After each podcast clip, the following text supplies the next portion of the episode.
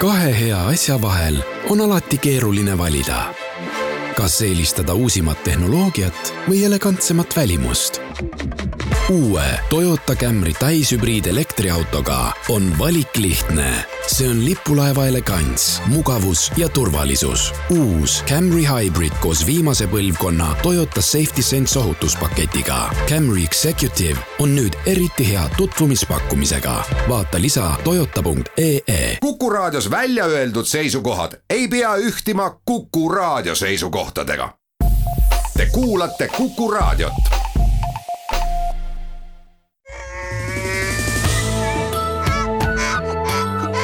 loomult loom.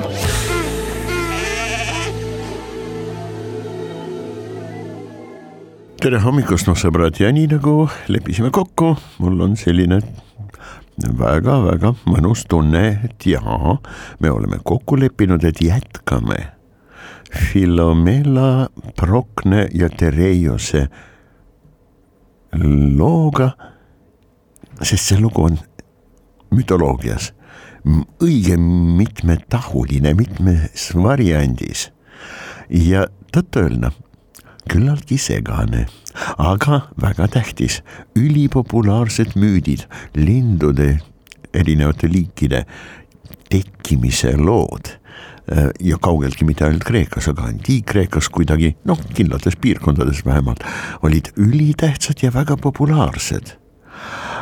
kuid vaadake müüdid tekivad, hakkavad arenema, tekivad ja hakkavad elama oma elu iidsetest aegadest peale ja need linnuliigid, kellest on jutt kasvõi sellest kontekstist, mis meil parajasti käsil on, kunagi olid ilmselt suguharude tootemid. siis said nendest lugudest noh, sellised nagu ainuõiged, eks ole, tõelised lood, müüdid, eh, mis võtsid kindlat vormi ja mida esitati suuliselt, kirjalikult ja piltlikult freskodel. hilisematel aegadel, võib-olla mõni sajand läheb mööda, eks ole, aga freskod hakatakse tõlgendama ja võib-olla täiesti uutmoodi, ilmselt nii äh, läks, vot sellesama süžeega. Tereios, kellest sai vaenukägu suure harjaga kiivri peal sõjajumaluse Aressi, noh, nii-öelda peamine rüütel ja vaata et äh, ustav kaaslane äh,. siis äh, Filomela, ööbik ja Prokna. see on siis pääsuke, milline pääsuke? Kas on tõesti räästapääsuke? selles asi ongi, fresko peal lähtekohaselt ilmselt oli suitsupääsuke. see on siis Hirundo rustika ja see on meie rahvuslind, kellel on tõesti verepunane plekk rinna peal see verine plekk on väga tähtis moment, eks ole, on väga tähtsaks asjaoluks müüdis, kuid vanadel freskodel värvid tuhmuvad, freskod saavad kannatada. Ja me näeme, et hilisematel aegadel juba Vana-Kreeka, Antiik-Kreeka ja kirjanikel, filosoofidel, eks ole, mütograafidel need, kes panid müüdid kirja nagu Homeros näiteks, eks ole, äh, on juba juttu räästapääsukesest ja see on hoopis isegi teisest perekonnast. see on äh, Delihon urbica ehk linnapääsuke otsetõlkes nii-öelda jah. temast on juttu, vähe sellest äh,. nii mõnigi äh,, peamiselt Apollodorus, aga on ka teisi nii mõnigi selline mütograaf äh, vihjab, noh, ta kirjeldab äh, nii-öelda eluviisi, selle linna eluviisi, ta kirjeldab ilmselt roostepääsukest ja see on perekond küll Hirundo nagu suitsupääsukesel, aga see ei ole rustika ehk siis külapääsuke jah, otsetõlkes, vaid daurika Kaug-Idaga kuidagimoodi seotud. isegi sellest on vähe on selle müüdi variante, kui jutt on no, no tõepoolest kaldapääsukesest, ja see on jälle kolmas perekond, see on ribaria, ribaria, ribaria. ja isegi sellest on vähe. on olemas täiesti konkreetseid lugusid, küll mitte enam mütograafidel, vaid loodusteadlastel juba jõudsid müüdid nii kaugele, aga muutudes, arenedes, muutudes. Ja no näiteks Plinius ja ta on loodusteadlane, filosoof, mütograafiks ta ennast ei pea nii-öelda, tema meelest, aga jah, noh, iga iga müüdiga on nii, et inimesed kõigepealt arvavad, et see on ainuõige lugu. nüüd loodusteadlane paneb kahtluse alla müüdid, läheb kohale, vaatab või kogub siis väga tähtsate tegelaste kirjeldusi, autoriteetide kirjeldusi, selline jah, skolastika meetod juba jah, ja siis tõestuseks, et vot lugu on nii ja mitte teisiti, toob noh, antiik-Kreeka äh, ajal ja sellest ajast peale peamiselt Pythagorase koolkonna, nad suured matemaatikud ja eelkõige ikkagi filosoofid, no kreeklased, kuidas siis teisiti. Kõigepealt sa oled filosoof ja loomulikult tegeled geomeetriaga, noh, Pythagoras üks-ühele. ja nende, vot selle koolkonna jüngritel oli ülimaks tõestuseks selline lause autos EFA ise ütles õpetaja ise ütles, mida sul on veel vaja. aga jah, paraku eh, Pliniusel see lugu on kaasatud, kuid jutt on üldse mitte pääsukestest, vaid piiritajatest. Need on hoopis teisugused linnud ja noh, apodusaapus näiteks, eks ole, see meie kõige levinum piiritaja, kes korraldavad paraadlende, niinimetatuid, tohutu kiirusega ja piiritaja hoiab horisontaallennu kiiruse rekordid maa käes tublisti üle kolmesaja kilomeetri tunnis. Äh, need linnud äh, vahest lendavad noh, mitmekesi mustad, nagu nad on, noh väike valge kraekene võib-olla seal isastel jah, lendavad ülitäpset õhu või siis lendamismanöövrit sooritades ja lendavad nad tõepoolest suure salgana, tohutu kiiresti ja siis vadistades, silistades. vaat see silistamine on müüdi konteksti seisukohalt äärmiselt tähtis. kes ütles itu, itu, itu ega seda ei ütle ju pääsuke, seda ütleb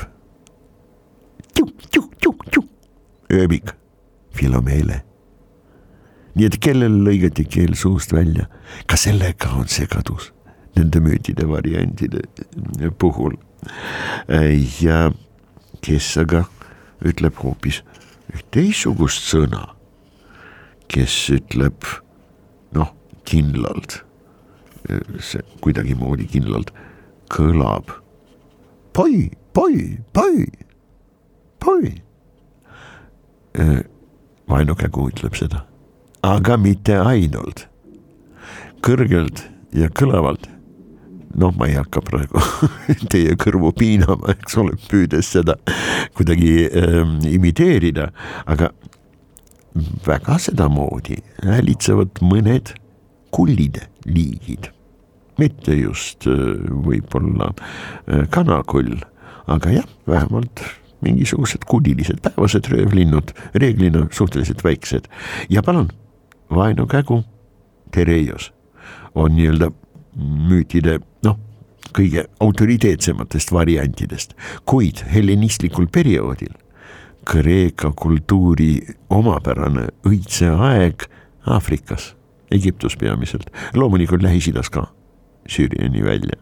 noh, peale Makedoonia Aleksandri vallutusi tema pärijateks said praktiliselt kohe peale tema surma hakkasid nad pärijad lõhkuma tema loodud impeeriumis ja kõik ju käis Makedoonia Aleksandril väga kiiresti peaaegu kogu teadaolevat Vahemeremaadega nii-öelda seotud maailm Indiani, Põhja-Indiani välja, ta ju tõesti vallutas. ja kolmekümne kahe või kolme aastasena juba suri, minu meelest igavese kätte, pole midagi suurt, midagi va valutada, eks ole. aga no ei tea seda, võib-olla tõesti tõi seal Indias äh, grippi või malaariat, see on pigem malaaria, eks ole, või mingisugust teist haigust, jõi ta ka padu ja kui nad India sõja käigust hakkasid tagasi Babyloni poole liikuma. Pärsia impeerium oli ju vallutatud kohe algupäraselt nii-öelda jah, ja Babylon oli nende jaoks väga tähtsaks keskuseks, siis äh, Indiast tagasiteele nad ei võtnud vett, joogivett ei võtnud kaasa, nad võtsid veini. Issand jumal, aga no okei okay,, need ei ole juba minu mured, eks ole, ega meie mured, kui me nüüd tegeleme hoopis helinistliku perioodi ähm, nii-öelda ettekujutuste ja vastavalt müütidega. nii et peale Makedoonia Aleksandri surma tema väejuhid, no ütleme kindralid, üldnimetusega antiohid Äh, hakkasid jagama impeeriumi omavahel, loomulikult sõdima omavahel, selge see. Egiptuse ala äh, võtsid kindlalt kätte Ptolemaiused, viimane Ptolemaiuse dünastiast. noh, nii-öelda naisvaarao oli Cleopatra, noh, see on juba Octavianus Augustus, Antonius, eks ole, ja loomulikult äh, ennekõike Julius Caesariga seotud. lood, need ei ole müüdid, kuid Äh, Kreeka müüdid filosoofilises töötluses olid äärmiselt tähtsad ka nende helliinistliku perioodi mõtlejate jaoks, ka Lähis-Idas ja Egiptuses ja vot seal peeti vot selleks kangelaseks ja parajaks röövliks, eks ole, vägistajaks ja, ja, ja piinajaks, mitte vaenukägu, vaid kulli. noh kes ütleb kullidest poi, poi, on selliseid väikseid ja linnukesi, aga midagi niisugust tõesti poi, poi! ütleb vaenukägu ka ja kreeka keeles see kõlab täpselt nagu öö, küsimus. kus, kus kohas, kus, kus, kus, ta otsib poega. ta otsib poega ja otsib oma naist ja tema õde kelle vastu ta patustas ja kes tõesti noh, paraku selles müüdis on keskseks, keskseteks tegelasteks jah, nii et kelle keele, Filomela ööbiku või Prokne pääsukese lõikas suust välja Tereios. Müüdi variandid on erinevad, kuid lähme päris alguse juurde, vanade freskode juurde juurde ja täiesti kindlas kohas, Dauliide või Daulidia. see on äh, Ateena äh, noh, poliitiliselt, sõjaliselt, majanduslikult seotud lähedal olev selline ala, kus äh, muuseas oli lindude kultus eriti arenenud, nii palju kui lausa tuleb oletada, eks ole. Lähtudes freskodest, aga ka loomulikult kroonikatest ja müütidest.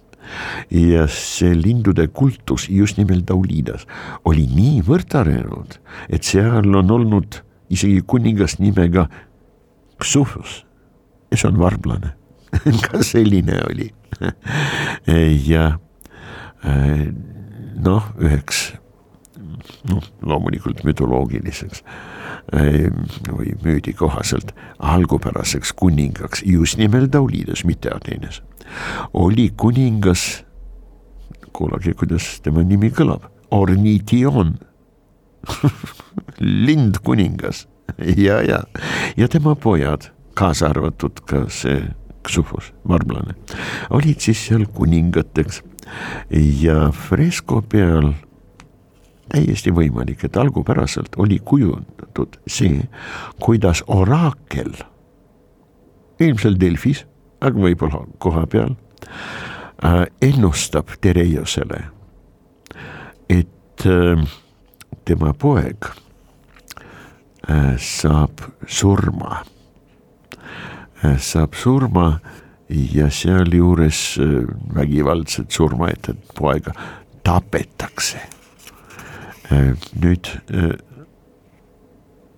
Tereios kõigepealt kahtlustab, et poja Idise surma põhjustajaks või tapjaks osutub Tereiose kuninga vend Driantos. Ja Tereios tapab venna, Driantose ta tapab ära ja rahuneb maha. Nüüd minu pojale Iidisele, eks ole ähm,, miski noh, ei paku ohtu. Ja ei, ei, ei sebitse nii-öelda surma. ei kavatse tappa teda. Äh,. nii et mida me siis näeme? Fresko peal, välja lõigatud keel või loorberileht täiesti võimalik, et Lorbeeri leht on seal algupäraselt olnud, aga hilisemad interpretaatorid arvasid, et nägid, see on välja lõigatud keel, see on palju glamuursem lugu. kui see noh, kohustuslik nii-öelda oraakli püüdja ja ennustaja, transi langemiseks väga vajalik vahend, värske Lorbeeri leht seda tuleb mäluda. ja kui sa teed seda palju ja veel istud, no Delfis näiteks, istud seal äh, vot selle kaljulõhe juures, kus tuleb äh, väävliühendeid, eks ole, noh, peamiselt oksiide ja tuleb seal äh, maapõuest, siis varsti hakkad tõesti lalisema. nii nagu ka meie ajal, nii mõnedki, kui ma ei eksi, nad on kristlased enda meelest räägivad või, või kõnelevad keeltes, millest mitte keegi aru ei saa. okei okay,, ma ei taha kritiseerida siin, loomulikult ma ei ole ei pädev ega mul ei ole mingit soovi kritiseerida tõesti mingit religioosset noh, veendumust. inimene usub, see on tõepoolest noh, oma asi ja teadusega sekkuda nendesse asjadesse ei ole mingit mõtet, ei tööta ja ei ole ka alust. Äh, kuid äh, paraku see on tõesti nii. Äh, antiikajal Kreekas püüdjad kõige lugupeetavamad, ennustajad. tõepoolest, nad olid sellisest polenisti epileptilisest transist, loorbili lehtede mälumisest ja vot nende oksiididega rikastatud suitsuauru hingamisest. hilisemad freskode peal seda lugu nii-öelda jälginud ja uurinud interpretaatorid arvasid, et see on keel, sest see tuleb püüdja, vot kellegi, mingisuguse naisterahva kuju, fresko on vana. lood on väga vanad, väga ürgsed, nagu reeglina kõik lood algupäraselt, kõik müüdid, mis on konkreetsete aga loomulikult ka müütiliste, kuid eelkõige konkreetsete loomaliikide kohta käivad müüdid on väga ürgse päritoluga. draakonite müüdid, reeglina nad on nooremad, uuemad. kükloopidest ühe silmaga hiiglastest müüdid, nad on kah mitte väga-väga ürgsed, kuid müüdid varestest karudest, kotkastest, varblastest, pääsukestest on väga ürgsed. ja see naise kuju ilmselt oli püüdja algupäraselt, aga teda peeti siis kes Filomelaks, kes Prognaks ja loorberi leht, mis tõesti vana fresko peal näeb välja nagu keel. Ehm, jah, kuidagi avaldavad suuremat muljet. vägivald ja seks esteetiliselt võimsamaid nii-öelda valdkondi ju ei ole, tõepoolest. väga huvitav, teeme väikese pausi ja võib-olla lähme siis edasi oma, oma lugudega.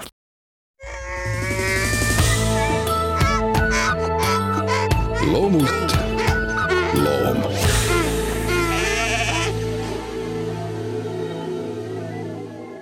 üliürgsed, tõesti väga vanad müüdid on ka veekogudega seotud lindude kohta. no nii see on loomulikult olnud keltidel, luiged pardid, haned, haned, haned, eks ole, müütides. loomulikult ka mitte veelinnud, aga veekogudega seotud linnud ja väga-väga ilmekad linnud, haigrud, eriti valge haigur, Egreta. Nad juba pesitsevad Eestis ja mitte vähe okei okay,, aga loomulikult meie haigru liikide seas noh, esikohal niisugune domineeriv liig on loomulikult Ardea Cinerea, see on loomulikult hall haigur, selge see. kuid toone korralisi on teisigi, kes on keltide müütides kasutatud või kaasatud. Need on siis päriskured, kes ei ole toonekurelistega bioloogiliselt mitte kuigivõrd seotud, väga erinevad seltsid. kuid niiskete aladega, eks ole ja, ja märkaladega ja veekogudega, nemadki on see seotud. ja muidugi eh, Põhja-Euroopa rahvastel tegelikult euro, Euraasia rahvastel, põhjapoolsetel on veelinnud, ka kaur näiteks ehm, ja teised surnute riigi toonela linnud on äärmiselt tähtsad.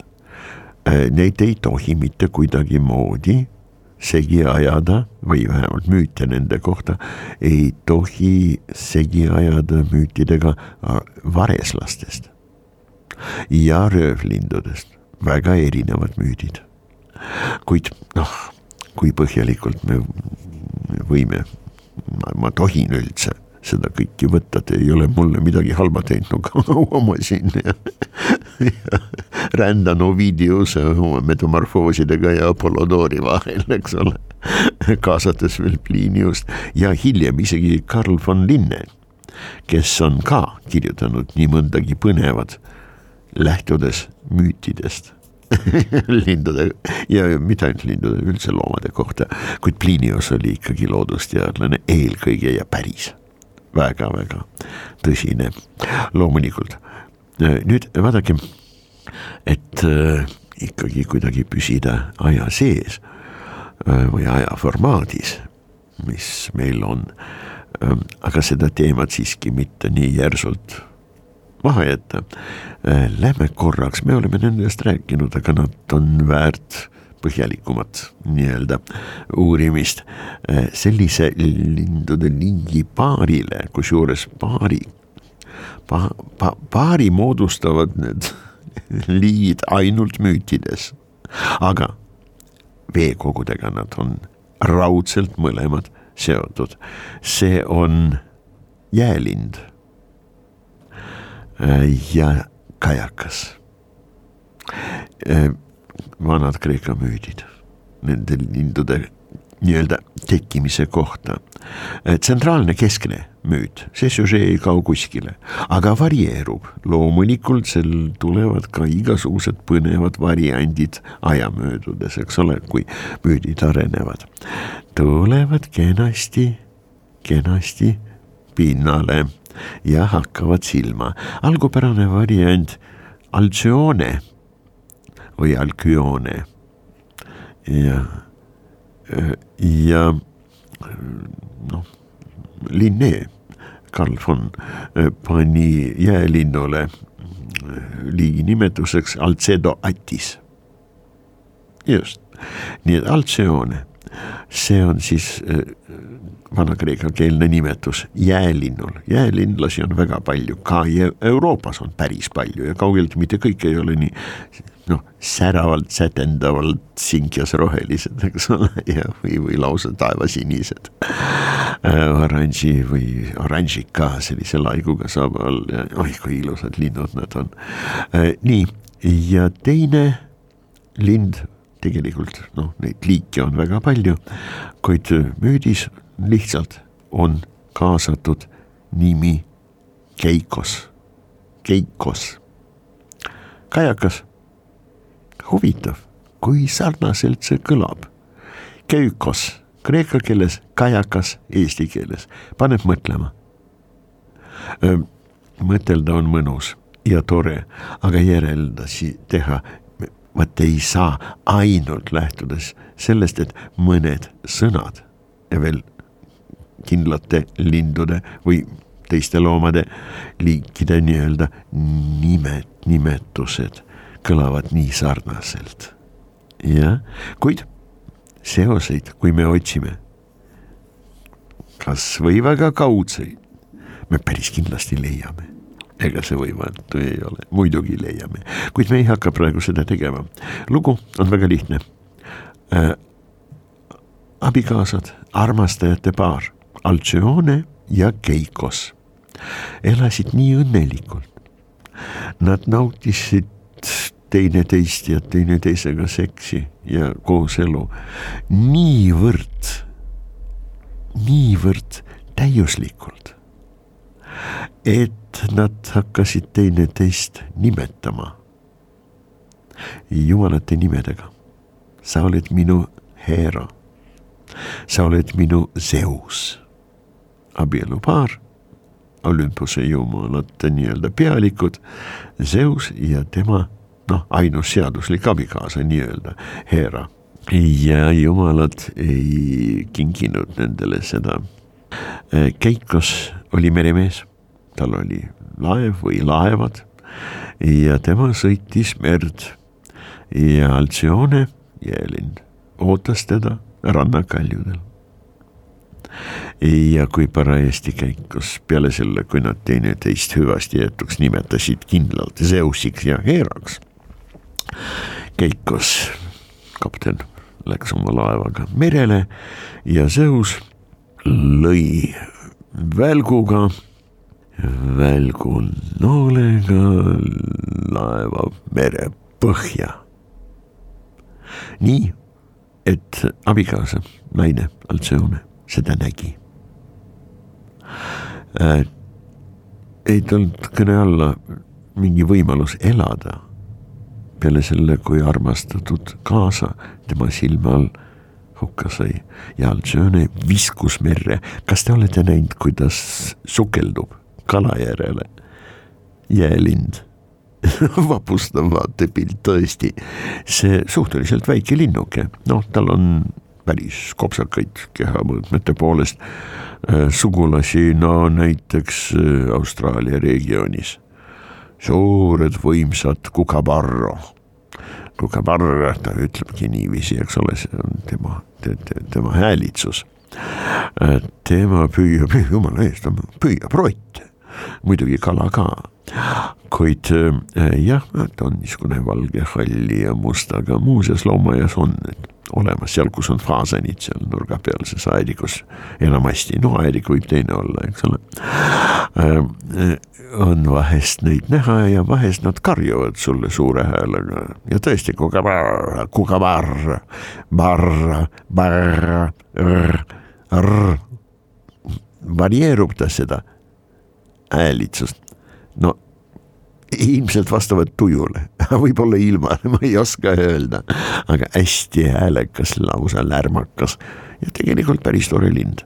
kuid meie, noh, seesama imekaunis safiirsinine linnuke istub veekogu kohal ja suhteliselt kõrgelt, no ta võib olla meetri kõrgusel, aga ta võib olla nelja-viie meetri kõrgusel ja isegi kõrgemal ja vaatab, loomulikult kuskil on, see on kuskil metsade seal vahel, jah, veekogu, nii et seal peab olema vari, aga päikesepaiste ka, nii et kui seal on metsavilu ja paiguti päikesepaiste, siis kui sa vaatad päris ülevalt poolt, istud puu otsas kõrgelt, vaatad vette, siis sa näed väga täpselt, mida teevad väiksed kalad ja rohkem hommikupoolikul või siis õhtupoole.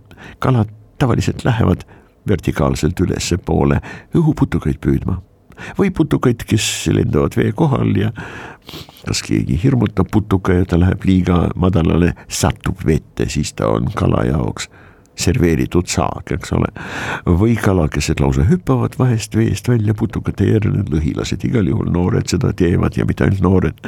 igal juhul vaat seesama Alcedo Attis, see äh, lind, jäälind äh, vaatab neid kalu ja ta ootab parajat hetke. ta ei ole päriselt veelind, ta ei tohi vette kauaks jääda, märgub. suled lähevad loodusetult märjaks ja ta võib ära uppuda. aga ta sukeldub, ta toitub niiviisi ja ta sukeldub hetkeks ja ta ei tohi mööda lasta kalast. nii et väga täpselt jälgib kalade käitumist, valib endale kala saagiks ja siis sukeldub nii nagu Altsione. hüppas kõrge kalju pealt vette järsult, kõrgelt järsult ja väga resoluutselt merre. ja hukkus Altsione, jäälind aga jõudis sukelduda kalani, sai ta kala kätte noka vahel, on tal kala või tal ei ole kala noka vahel, ta peab kohe välja tulema. nii et kui ta sukeldub, siis veest, vette tungides ta ajab tiivad maksimaalselt õieli. ta on valmis väga jõuliseks tiivade allapoole, eks ole, löögiks, mis paiskab ta veest õhku ja ta lendab taas oma vaatepunkti peale teeme veel ühe väikese pausi ja võib-olla natukene tegeleme veel selle huvitava müüdiga, selle päritoluga.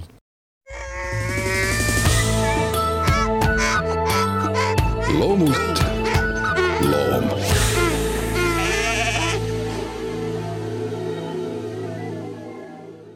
väga tõsine looduse uurija Plinius äh, kirjeldas väga põhjalikult ja pikalt jäälinnu pesa.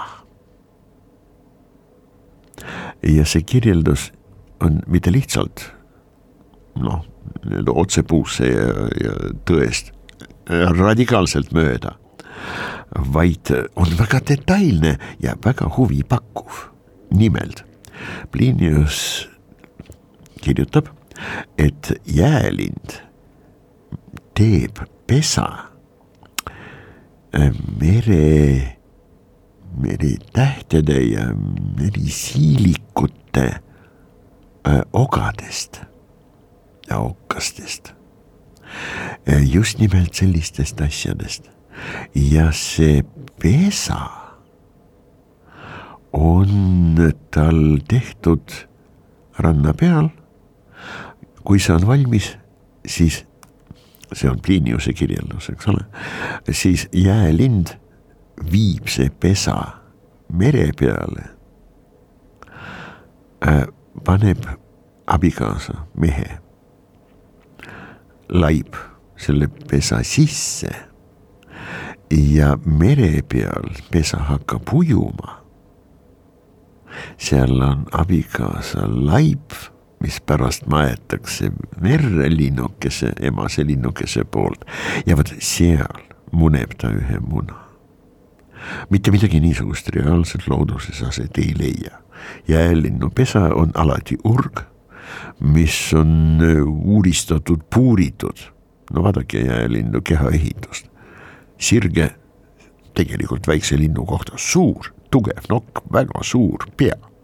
kohe tuleb mulle meelde, kui jutt on uru nii-öelda puurimisest ja uru tegemisest pesa jaoks, mis on omane tõepoolest jäälinnule ja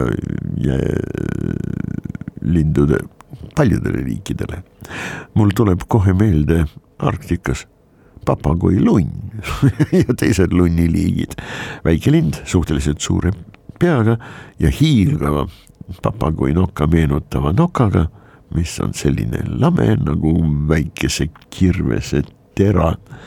ja papagoilil on väga ilusatest värvidest, seal on oranži, kollast, erepunast, valged ja okei okay,, sellise pea ja nokaga on väga hea puurida maad mulda ja suhteliselt kiiresti saab teha päris sügav korralik urg.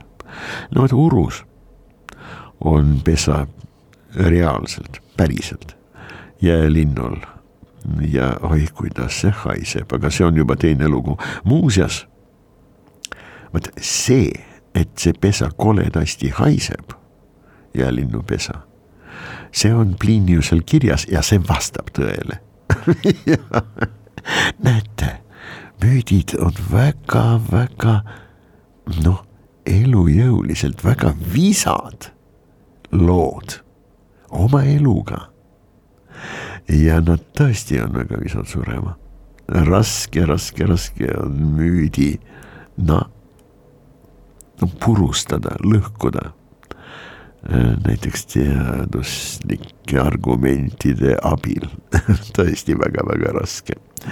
väga huvitav, kuivõrd kiindunud, veendunult tegelevad ja mitte ainult varajased loodusteadlased, antiikajal, noh hiljem keskajal, no kes seal teadusega tegelesid, loomulikult mungad, aga mitte ainult nii mõneski kohas Euroopas, aga kahtlemata ka Aasias ja muidugi Aafrikas nii-öelda teadusega, aga põhjalikult. noh, elusate asjade ja elutute asjade omaduste uurimisega ja katsetamisega tegelesid loomulikult ravitsejad ja ka nõiad, võlurid, alkeemikud. Ähm,, linna alkeemik, oli Šveitsis, oli Šotimaal, Saksa äh,, germaanlastel riikides. Ja siis äh, Saksamaa vürstiriikides juba hilisel ajal ka, kuskil kolmeteistkümnendal, neljateistkümnendal ja isegi võib-olla kuueteistkümnendal sajandil. ja kui nad tegelesid ikkagi noh, valge maagia laadsete asjadega, eks ole, kurja, ei teinud, ei sepitsenud, siis neid lausa palgati, nad olid väga vajalikud. ja lõppude lõpuks noh kes on see teadlane, kes rajas jatrokeemia teaduse alused ja pani kirja. Jatros kreeka keeles arst, eks ole, no keemia, keemia. muuseas, see on väga huvitav. keemia, kust on pärit, see noh, teaduse, aga algupäraselt kindla noh, oskusliku tegevuse nimetus. täiesti võimalik, et vanast Egiptuse keelsest sõnast keme, Egiptus, must muld. ja Egiptusest ilmselt on tõepoolest hellenistlikul perioodil, millest me praegu rääkisime, Ptolemaiuste ajal hakkas välja kujunema tõepoolest vot ettekujutus teadusest ja loomulikult kreeklastel kreeka noh, keelsetel ja kreeka keeles mõtlevatel inimestel see teaduse nimetus keemia. muuseas, see kõlab araabia keele päraselt piisavalt ja loomulikult me teame araabia allikatest, et teadusi, vaat selliseid maagilisi teadusi, jah algupäraselt kõik teadused on maagilise, maagilise hõnguga. Äh, oli peale keemiat, oli veel päris palju oli siimia, riimia, miimia ja liimia, ka sellised teadused. ma ei oska öelda, millega nad tegelesid, aga kiimia jah, on araabiakeelsetes allikates ka kirjas. Väga ja nad on maagilised, aga ikkagi väga tähtsad ja tõsised. Teaduse harud. Kõik see algupäraselt tõesti on Egiptusest, no mitte ainult Egiptusest, eks ole, aga Egiptuse kaudu on tõesti kõik noh, teaduse alged ähm, rännanud, levinud ja seal ka arenenud, kahtlemata. no näiteks äh, rauametallurgia osas hetid, hetiidid olid palju varasemad kui egiptlased, kuid vanad egiptlased juba kaksteist, kolmteist sajandit enne Kristust tundsid rauda küll. kas nad tundsid rauametallurgiad, äh, mille võtete abil saab teha maagist rauda või nad tundsid raua mm, nii-öelda meteoriite ja seda, milliseid suurepäraseid asju saab vot sellest äh, raud- või metallmeteoriidi äh, ollusest teha äh,. Need meteoriidid reeglina on äh, raua ja nikli suurepärased sulamid, suurepärased materjalid. No näiteks on teada, et ülikuulsa peamiselt selle poolest, et tema haud oli rüüstamata. Varo Tutankhamoni jumal, kui kuulus ta on, eks ole, kasvõi Hollywoodi filme ju. Ja ju mitte ainult Hollywoodi filme tema kohta, issand, kui palju. Ja Carterist, kes avastas, leidis ja avastas ja äh, seda hauda ja jumal küll, kui palju selle ümber on igasuguseid sensatsioonilisi ja tõesti vahest väga toredaid lugusid, no kasvõi Agatha Christie lood äh,. aga milles asi? lihtsalt sellest, et see on ainus haud, kus röövlid omal ajal, antiika ajal käisid küll, aga millegipärast jätsid rüüstamata.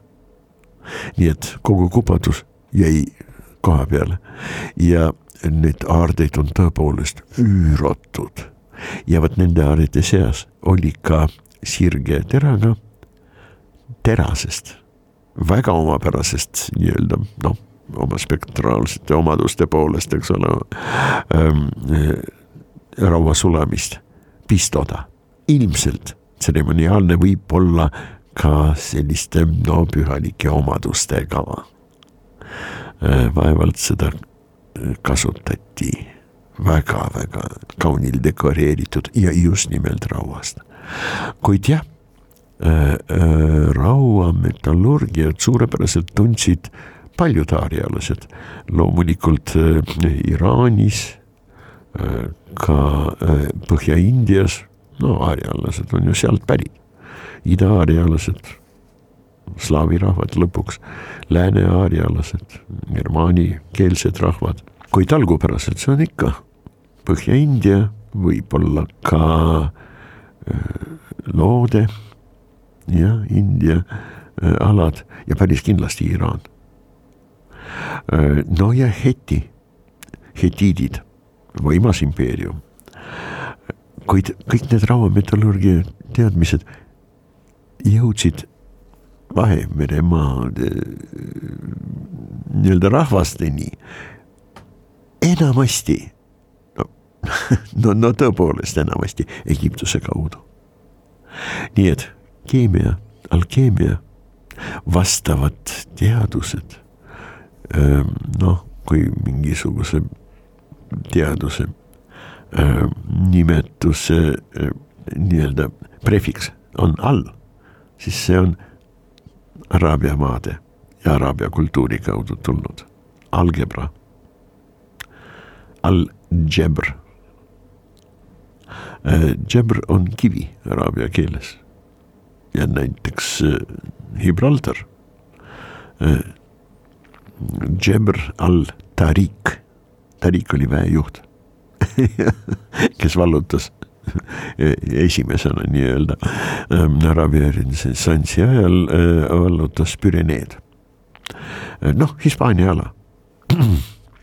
nii et Gibraltar on siis äh, Tariki kivi, kalju, suur kivi, mille peale hüppas Seutast Aafrikast. Tarik oma vägedega okei okay., nii et all kohol araabia keelest. all on siis nagu prefiks, kohol lendav, lendavate ainete või lendlemise.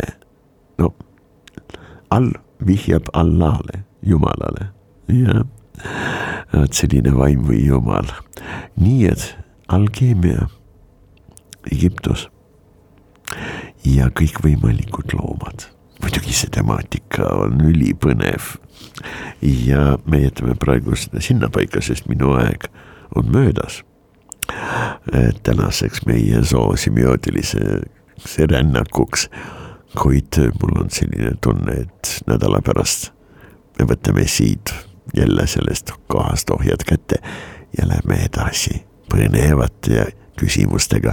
praegu aga tuletan meelde, jutt läks mul Egiptuse suunas seoses keemiaga alkeemiaga. See tuli meile jutuks seoses jatrokeemiaga, sõnast jah, arsti või arstlik keemia ja selle loojaks on Georg Aureolus Theophrastus Bombastus von Hugengein, Paracelsius, mees, kes võttis endale loosungiks ja motoks. Sa ei pea kuuluma teistele, kui sa suudad kuulata endale. vot sellega me täna lõpetame. ja järgmine kord lähme edasi ja siis loomulikult lindude, aga ka teiste loomadega. olge mõnusad ja terved. loomult loom